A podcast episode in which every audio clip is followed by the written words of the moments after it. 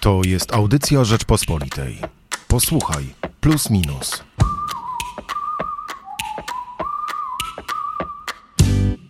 Michał Płociński, zapraszam. Mam nadzieję, że w magazynie Plus Minus uda nam się Państwa zaskoczyć nieoczywistym spojrzeniem na świat, bo tematami nie będziemy Państwa teraz zaskakiwać. Jeżeli Państwo słuchają naszego podcastu Posłuchaj Plus Minus, to będziemy te tematy, które poruszamy w magazynie Plus Minus w całości e, zdradzać. Z otwartą przyłbicą, e, co czeka Państwa e, w weekend. Wszystkiego będzie można się dowiedzieć teraz z naszego podcastu, który już w piątek e, trafia na platformy e, streamingowe. Otóż e, w tym tygodniu w Plusie Minusie głównie zajęliśmy się wszystkimi barwami stanu wyjątkowego. Przyglądamy się nie tylko temu, jak stan wyjątkowy stosowany jest w innych państwach, głównie w Europie, jak to wygląda w Polsce, ale też przyglądamy się temu, jak, stan wyjątko, jak do stanu wyjątkowego podchodzą filozofowie, co więcej, jak podchodzą teolodzy. O stanie wyjątkowym w Europie, we Włoszech, we Francji, w Niemczech pisze po pierwsze Jędrzej Bielecki w tekście Zwyczajny stan nadzwyczajny. Zresztą to jest bardzo trafny tytuł, który, który dużo oddaje, co w tej chwili dzieje się w Europie, a o dyktaturze bez dyktatora, mesjanizmie bez Mesjasza pisze dalej Jan Maciejewski. Mamy też w najnowszym magazynie Plus Minus reportaż z greckiej wyspy Lesbos o tym, czy to jest początek, czy koniec Europy, ale nie poruszamy się oczywiście wyłącznie w wokół dania głównego. Patrzymy na, na, na świat szerzej. Piotr Zaręba e, pisze o e, tak naprawdę pierwszym roku e, drugiej kadencji e, Andrzeja Dudy. Można w skrócie ten tekst streścić e, zdaniem, co dalej po rocznym urlopie, jaki Andrzej Duda wziął sobie po, po drugich wygranych wyborach prezydenckich, ale mamy też tekst Wiktora Ferfeckiego, który przygląda się Konfederacji, no bo jeżeli, jeżeli o Andrzeju Dudzie zaczynamy mówić w perspektywie E, jakiejś zmiany warty w mm, Prawie i Sprawiedliwości, na ile prezydent e, po dwóch kadencjach wciąż przecież będzie młodym, zaledwie 53-letnim politykiem, jak skończy urzędowanie w Pałacu Prezydenckim, na ile on ma szansę przejąć e, mm, stery, stać się najważniejszym, najważniejszą postacią liderem Prawa i Sprawiedliwości, to możemy się zastanawiać tym, też nad tym, co dalej w Konfederacji, czy przypadkiem Janusz Korwin-Mikke już mm, nie nie, szykuje swoich następców. Sam Janusz Korwin-Mikke e, nam zdradza, że za takiego następcę e, dziś uważa Sławomira Mencena.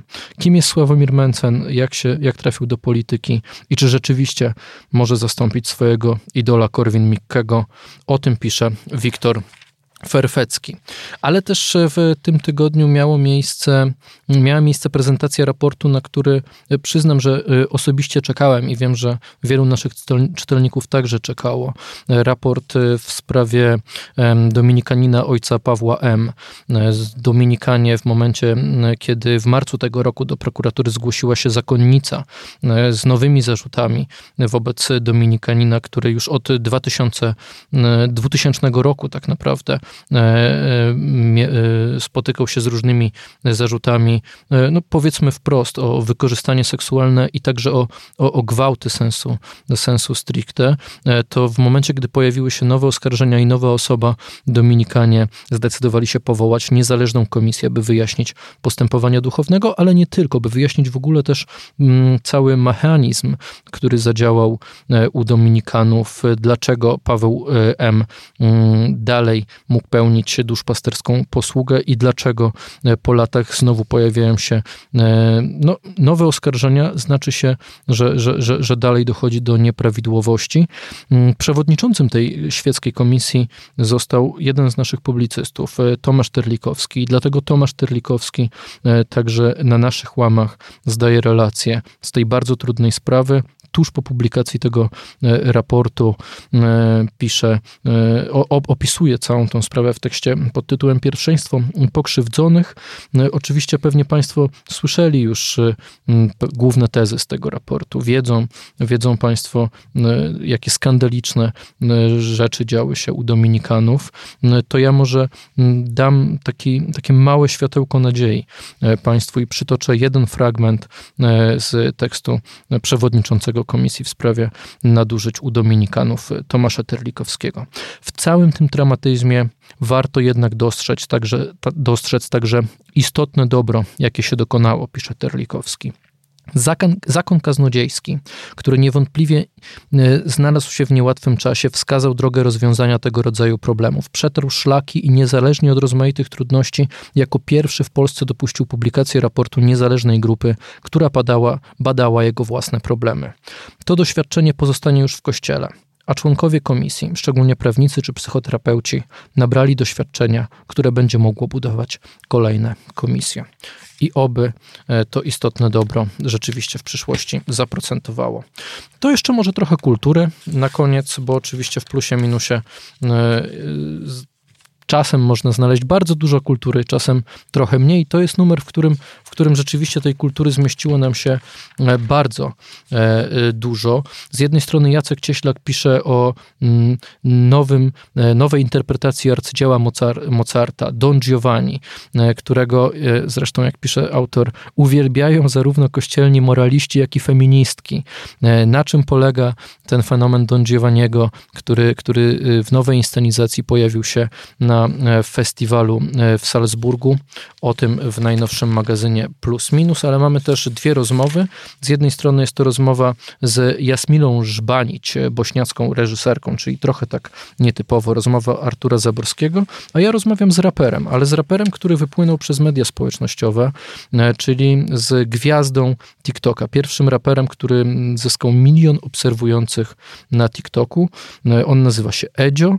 Spotkałem z nim się zresztą w, u niego w gdańskim Wrzeszczu. I przyznam Państwu, że, że chyba najciekawsze w tym spotkaniu i, i zresztą w tej rozmowie jest to, co działo się wokół naszego spotkania, czyli e, młodzi ludzie, którzy no, mam wrażenie, nie dawali Edziowi żyć. Każda osoba poniżej 15 roku życia, która przechodziła koło nas siedzących w parku, mm, albo podchodziła i prosiła o zdjęcie, albo stawała i obserwowała nas. Edzio był rozpoznany dokładnie przez każdą, bez wyjątku osobę i o tym też rozmawiamy. Czy taka popularność, jaką daje TikTok, no, nie jest trochę toksyczna, czy nie przeszkadza i w jaki sposób e, młodzi jednak twórcy odnajdują się w tym świecie social e, mediów. A skoro mówimy o najnowszym plusie, minusie, to mam e, przyjemność porozmawiać o, o, o, głównym temacie z jednym z naszych autorów i dziennikarzem Rzeczpospolitej, z Jędrzejem Bieleckim. Dzień dobry. Dzień dobry. Dzięki Jędrzej, że tak tutaj cierpliwie wysłuchałeś tego wprowadzenia i tego przekartkowania plusa minusa. Mam nadzieję, że też w takim razie sięgniesz po inne teksty. E, i zobaczysz, co tam więcej piszemy, no ale skupmy się na razie na tych wszystkich barwach stanu wyjątkowego. Czy zwyczajny stan niezwy- nadzwyczajny, o którym piszesz, o, o tym stanie nadzwyczajnym wprowadzanym e, tak naprawdę nie tylko przez e, kłopoty z mm, kryzysem uchodźczym, ale mm, głównie, myślę, na Zachodzie w, w, ostatnim roku przez problemy, jakie, jakie napotkaliśmy w związku z mm, pandemią koronawirusa. Czy to przypadkiem przypadkiem nie stało się właśnie już e, taką nową normalnością? Skoro zwyczajny stan nadzwyczajny, to czy my wciąż możemy mówić o tym, że, że, że, że istnieje jakieś e, państwo prawa, demokracja liberalna, jakieś swobody, swobody obywatelskie, które mamy, mamy zapewnione w każdym momencie? Jeżeli od, od tak długiego czasu ten stan nadzwyczajny w tych państwach europejskich trwa, to może powinniśmy już patrzeć na to w perspektywie jakiejś zmiany ustrojowej. Znaczy, bardzo ciekawy jest przykład Grecji, y, która jest y, z jednej strony ojczyzną demokracji i oczywiście krajem y, członkowskim Unii Europejskiej, ale z drugiej strony tym państwem, który na ten stan wyjątkowy najbardziej jest narażony, tak ze względu na falę imigracji, jak i zmiany klimatyczne, które szczególnie dotykają ten kraj. No i oczywiście, tak jak wszystkie inne państwa pandemii, y, to jest państwo, które nadal y, uważa te wszystkie rozwiązania, które wprowadza z powodu tych trzech rzeczy za nadzwyczajne. Dlaczego? Dlatego, że gdyby miała przyznać, że to już jest nowy system prawny, no to wtedy musiałaby zrezygnować i z tego dziedzictwa demokratycznego, a przede wszystkim z wartości europejskiej, z przynależności do, do Unii, tej oficjalnej wersji. Yy, weźmy pierwszy, pierwszy z, tych, z tych powodów, mianowicie masowa imigracja. Co się dzieje na granicy Grecji, yy, tej lądowej, ale jeszcze w większym stopniu yy, morskiej. Tam przy udziale Agencji Unijnej do Spraw Ochrony Granic Frontexu Straż Graniczna Grecka wypycha na morze y, ludzi, którzy próbują się tam przedostać y, na pontonach Syryjczyków, y, Irakijczyków, Afgańczyków i którzy mają zgodnie z rozwiązaniami genewskimi, to co jest jedną z podstaw praw człowieka i, i, i która przez wiele, wiele lat służyła także Polakom, kiedy my byliśmy częścią obozu komunistycznego, mają po prostu zwyczajnie prawo... Do złożenia wniosku o azyl. I coś, i co się dzieje? Po prostu to podstawowe zupełnie prawo jest łamane nie tylko przez władze w Atenach, ale przez unijną centralę w postaci Frontexu. No widzisz, czyli mamy z jednej strony e, zasady demokracji, które już nie obowiązują, tak, liberalnej demokracji. Nie obowiązują to chyba za dużo powiedziane, ale które są coraz... Za, zawieszone troszkę i mamy, z, mamy zawieszone także prawo międzynarodowe. Ja wiem, że akurat konwencja genewska to jest taki przykład najbardziej piękno-duchowskiej e, konwencji, ale, a, a, ale jednak e, państwa zobowiązały się do jej przestrzegania. Znaczy, ja bym tego nie lekceważył w tym znaczeniu, że to jest absolutnie podstawowe y, prawo, wniosek, lekcja, którą y, kraje Zachodu wyciągnęły z II wojny światowej. No to jest prawo, które zostało wprowadzone kilka lat po II wojnie światowej chociażby w odpowiedzi na Holokaust, mówienie o tym, że y, ofiary wojny mają prawo szukać schronienia, więc to, to, to nie jest coś teoretycznego. Y, problem polega na tym, że pojawiła się druga wartość na tej szali, mianowicie zagrożenie dla, no jak gdyby składu etnicznego, można wręcz powiedzieć, krajów zachodnich. To jest to, co mówi Eric Zemmour, znany francuski pisarz, tej chwili kandydat w wyborach prezydenckich, który mówi, że jeżeli ta polityka obecna będzie nadal podtrzymywana, jeżeli Europa nie zbuduje szczelnego systemu ochrony, to y, naród francuski zostanie zastąpiony narodem islamskim, można powiedzieć, na terenie Francji. On tak w dosyć drastycznych słowach to, to, to, to przedstawia, ale jakaś tam prawda w tym jest. I teraz y, y, to przerobiła chociażby bardzo wyraźnie Angela Merkel. Ona, pamiętamy ją z 2015 roku, kiedy powiedziała, że damy sobie z tym radę, przyjęła milion uchodźców. Mniej pamiętamy to, co się stało rok później, czyli umowę, jaką zawarła z prezydentem Turcji Recepem Erdoganem, która była zaprzeczeniem całkowicie, jest zaprzeczeniem całkowicie prawa europejskiego, bo co ta umowa mówi? No mówi, że Turcja otrzyma, będzie otrzymywała co roku wsparcie finansowe w zamian za to, że zagwarantuje gwarantuje, że ci ludzie nie skorzystają z tego podstawowego prawa, jakim jest złożenie wniosku o azyl. Tutaj nie mówimy o tym, że mamy przyjmować wszystkich tych ludzi. Mówimy o tym, że oni mają prawo, ponieważ uciekają przed wojną, y, wystąpić, y, złożyć wniosek o ochronę. Ten wniosek może być odrzucony. Można powiedzieć, że nie uciekają przed tą wojną, albo że już w tej Turcji mają schronienie, cokolwiek. Natomiast nawet oni tej szansy nie mają, którą, powtarzam, Polacy mieli. Ale tak się zmieniły okoliczności. Możemy o tym za chwilę powiedzieć, na, na czym polega ta fundamentalna zmiana. No ona polega Y, przede wszystkim na tym aspekcie demograficznym, prawda? To znaczy, y, jeżeli na przykład weźmiesz się y, Francję, która była pięć razy bardziej zaludnionym krajem w stosunku do Algierii w momencie, kiedy w 1962 roku Algieria ogłosiła niepodległość, to to nie było dla niej zagrożenie. Natomiast w tej chwili Algieria dobija ludnością do Francji. Za chwilę ją przegoni. I, i to jest tylko jeden z przykładów wielu krajów Magrebu. Więc nagle okazuje się, że Europa jest otoczona przez morze y, krajów znacznie bardziej y, zaludnionych. I dynamiczniej się rozwijających. Dynamicznie, demograficznie się, demograficznie się rozwijających, ale które w ogromnej większości nie zdołały przeskoczyć do tego y, poziomu no, średniego, średniej zamożności, poziomu, który powodowałby, że ludzie już nie godzą się na, na, na nie, nie, ma dla nich sensu imigracja za wszelką cenę, tylko wolą pozostać na miejscu. Ja pamiętam kiedyś miałem taką rozmowę z jednym z urzędników Komisji Europejskiej, który mówi mi, że słuchaj, nie możemy tutaj pójść na ustępstwa, dlatego że jest jedna tylko rzecz, a tych przykładów może być dużo więcej, która może doprowadzić do kompletnej katastrofy w Unii Europejskiej. Wyobraźmy sobie, że rusza Egipt. Tam y, poziom bezrobocia wśród młodych jest gigantyczny. Mówimy o kraju, który ma ponad 100 milionów ludności.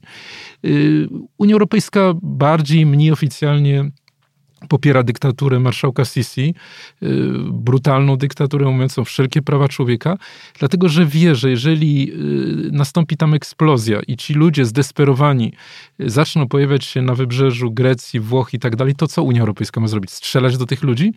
nie może tego zrobić. Po prostu będzie to koniec, więc dlatego ten, ten stan nadzwyczajny, o którym mówimy, będzie coraz bardziej zwyczajnym, bo cena tego, że będziemy respektowali konwencje genewskie i inne normalne rozwiązanie prawne może być po prostu katastrofalne w bardzo krótkim okresie, zresztą już dzisiaj nawet y, politycznie jest.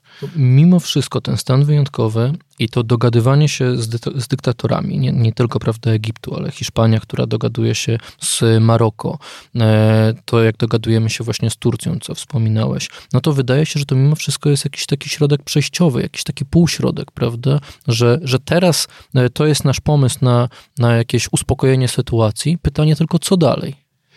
Znaczy, no oczywiście wielkie zagrożenie, jakie jest, ale, ale no ta wersja najgorsza wcale nie musi się, się jak gdyby spełnić. Wiele rzeczy się nie da przewidzieć na przyszłość, no ale ta, ta, ta, ta, ta rzecz fatalna, no to byłaby taka, że po prostu sama Europa bezpośrednio y, przyjmuje rozwiązania tych dyktatorów. Znaczy staje się y, Erdoganem, staje się Sisi, staje się Mohamedem VI. Znaczy po prostu y, buduje fortecę, rzeczywiście strzela do tych ludzi, którzy tutaj przedostają się. Lekcja II wojny światowej jest zapomniana. Polska wie doskonale, jakie to są tego efekty. No i, i jak gdyby powta- mamy powtórkę z historii. No, tutaj źródło tego wszystkiego w znacznym stopniu y, no, wynika z, z pazerności, jaka panowała w krajach zachodnich, które y, no, na przykład w stosunku do Afryki y, nie dopuszczały chociażby do eksportu produktów rolnych do Unii Europejskiej. Kraje, które były wielkimi producentami, są wielkimi producentami tych dóbr, jak na przykład Francja czy, czy Hiszpania, blokowały tą konkurencję. Nawet rzeczonego Maroka. No Maroko jest w stanie, czy produkuje podobne rzeczy, co Hiszpania ze względów klimatycznych, na przykład, nie wiem, pomidory, może być wielką potęgą tutaj. I gdyby Unia Europejska dała tą szansę tym krajom, y, tak jak Stany Zjednoczone w czasie zimnej wojny dały szansę na przykład Korei Południowej czy Japonii, otworzyły swój rynek, pozwoliły na niezwykły rozwój tych państw, no to dzisiaj by nie było tej sytuacji. No ale ponieważ ta pazerność była tak duża, że nie dopuszczało się tych krajów do rozwoju, do udziału w tym rynku. Y, było wiele afer korupcyjnych, popierano tych dyktatorów i tak dalej. Okay, no ale to jest, jesteśmy w tej sytuacji, jak jesteśmy. Jasne, ale to jest przeszłość. Wiesz, a jaką dzisiaj mamy, jaką ty widzisz w ogóle dzisiaj alternatywę dla tej zbudowania tej, tego fortu Europa? Y, no, nie widzę, dlatego że to nie tylko jest kwestia y, imigracji, ale też jest kwestia zmian klimatycznych, o których y, możemy teraz powiedzieć, bo to też dotyczy stanu wyjątkowego. Znowu możemy posilić się tutaj przykładem Grecji. Stan, wojen, stan, stan wyjątkowy został wprowadzony tam nie tylko z powodu imigracji, ale na przykład w sierpniu z powodu gigantycznych pożarów, jakie wybuchły w tym kraju w środku sezonu turystycznego kluczowego dla, dla Grecji. No to jest, to jest próbka tego, że również ta fala migracji będzie szła w, w naszą stronę y, z tego powodu. Y, no a tutaj również no, koszty, inwestycje są gigantyczne, żeby to powstrzymać. W znacznym stopniu jest to prawdopodobnie już za późno. Y, no a każdy patrzy na krótką metę, szczególnie politycy, więc nie będą podejmowali trudnych decyzji, czy mają wielkie problemy z podejmowaniem tych trudnych decyzji. No, no, więc wydaje mi się, że tej, tej, takiej opcji y, nie ma. No pytanie właśnie, czy Europa zdobędzie się na, y, na taki rachunek sumienia i przyznania, że te wartości europejskie już nie obowiązują. Oczywiście mamy przykład Trumpa, który przy całej krytyce, jaką się wobec niego, jaka wobec niego, jaka go dotyka, no kilka rzeczy prawdziwych powiedział. To hasło jego budowy muru z Meksykiem, nigdy nie spełnione, ale jednak było próbą no, stwierdzenia, że Stany Zjednoczone już nie są tym krajem otwartej migracji, że jednak mają problem z integrowaniem innych, że na globalizacji być może doskonale doskonale nie wyszły, no i że po prostu teraz będą się zamykały. To było takie symboliczne hasło, z którego zresztą e, Joe Biden się za bardzo nie wycofał, przynajmniej w, w realnej polityce. E, Unia Europejska mogłaby to samo powiedzieć. Mogła powiedzieć, dobra, kończymy z tymi prawami, które dzisiaj obowiązują. To, co nazywamy stanem nadzwyczajnym, stanem wyjątkowym, będzie, tak jak powiedziałeś, częścią prawa normalnego, no i po prostu godzimy się z tą prawdą. Problem polega na tym, że o ile Stany Zjednoczone, o ile Ameryka zbudowała naród i nie tylko rozwiązania aktualne, prawne y, spinają ten kraj, ale również wspólna historia, yy, yy, wspólny styl życia, język i tak dalej, to Unia Europejska oczywiście tego wszystkiego nie ma. Więc ja z kolei może zadam pytanie, czym zostanie Unia Europejska, jeżeli nie będzie y, wspólnotą prawa? Co zostanie z tej, z tej Unii, jeżeli to się zresetuje. No to jest wielkie zagrożenie, które, które w Brukseli się widzi. Jeżeli się otwarcie powie, że te, te, te, te wartości europejskie są niczym, no bo właśnie są zagrożenia znacznie większe, no to co zostaje z tej Unii? To ja przytoczę jeszcze fragment y, nie z Twojego tekstu, a z tekstu Janka Maciejewskiego, e, który stawia pytanie, czy właśnie ten fakt, że od dłuższego czasu żyjemy w tym permanentnym stanie wyjątkowym, że społeczeństwa kolejnych państw godzą się na zawieszanie przez rządy tych reguł i praw okresu pokoju, e, czy, czy, czy, czy e, skąd to się tak naprawdę bierze. I on, on stawia tezę, że, że najpierw, że to nie jest tak, że to się wydarzyło i teraz będą jakieś tego konsekwencje, tylko to są są właśnie konsekwencje pewne, pewne, pewnego upadku wiary, wiary w oświecenie. E, e, Janek Maciejewski pisze, tamten optymizm zestarzał się i odszedł z naszego świata, a dopiero potem z tego właśnie powodu zniknął fundament e, porządku państwa i prawa. No mam wrażenie, że to jest jednak teza bardzo pesymistyczna. Y, no jest, tylko można to zegzemplifikować y, realnymi wydarzeniami. No na przykład, y, jeżeli weźmiemy chociażby wiosnę arabską, tak? No co zostało z tej wielkiej nadziei na to, że te kraje, pomijając, jakby zrzucą swoją historię, zrzucą swoją przywiązanie religijne i, i, i staną się podobne do, do, do Zachodu. No pozostała Tunezja, której nawet Tunezja w tej chwili nie jest pewna, czy ta demokracja pozostanie, prawda? No to jest, to jest dobry przykład. No Amerykanie z kolei mierzą się z naiwnością, jaką, y, jak, jaką się wykazali w stosunku do Chin, wierząc, że Chiny także będą y, zbliżały się do tych wartości. No, w tej chwili Unia Europejska y, staje wobec takiego problemu, że przeliczyła się, i tutaj się zgadzam z tą tezą, bo przeliczyła się w fundamentalnym założeniu. To założenie brzmiało tak. Mamy tak znakomity model rozwoju, że wszyscy marzą, żeby go naśladować. Że po prostu nie ma, jedni to robią szybciej, drudzy wolniej, ale, ale, ale, ale wszyscy chcą być Europejczykami w tym znaczeniu. No ten model y, okazał się mylny. No na wschodzie absolutnie nie widzimy tego, chociażby w Rosji. Y, na południu też tego nie widzimy. Mówiliśmy tutaj o, o wiośnie arabskiej. Y, no i nagle z tego takiego ośrodka, który promieniuje swoimi wartościami i nie musi się liczyć z tym, co jest na zewnątrz, nagle Unia staje w obliczu sytuacji, w której jest taką wyspą, która po prostu musi nagle się bronić no i stąd wracamy znowu do tego stanu y, wyjątkowego. No niestety dołączyliśmy do tej grupy państw, gdzie ten stan nadzwyczajny y, no, zaczyna, zaczyna obowiązywać i musimy chyba nad tymi problemami, o których dzisiaj rozmawialiśmy i w Polsce poważniej zacząć dyskutować więcej w tekście e, Jędrzeja Bieleckiego, z którym właśnie rozmawiałem, pod tytułem Zwyczajny stan nadzwyczajny, w tekście Jana Maciejewskiego Dyktatura bez dyktatura, Mesjanizm bez Mesjasza i u Magdaleny Wolnik w artykule pod tytułem Początek czy koniec e, Europy. Nie pozostaje nam nic innego niż w takim razie zaprosić Państwa do najnowszego wydania magazynu Plus Minus. E, ja nazywam się Michał Płociński, a rozmawiałem z Jędrzejem Bieleckim. Dziękuję bardzo. Dzięki. Słuchaj więcej na stronie podcasty.rp.pl. Szukaj Rzeczpospolita Audycje w serwisach streamingowych.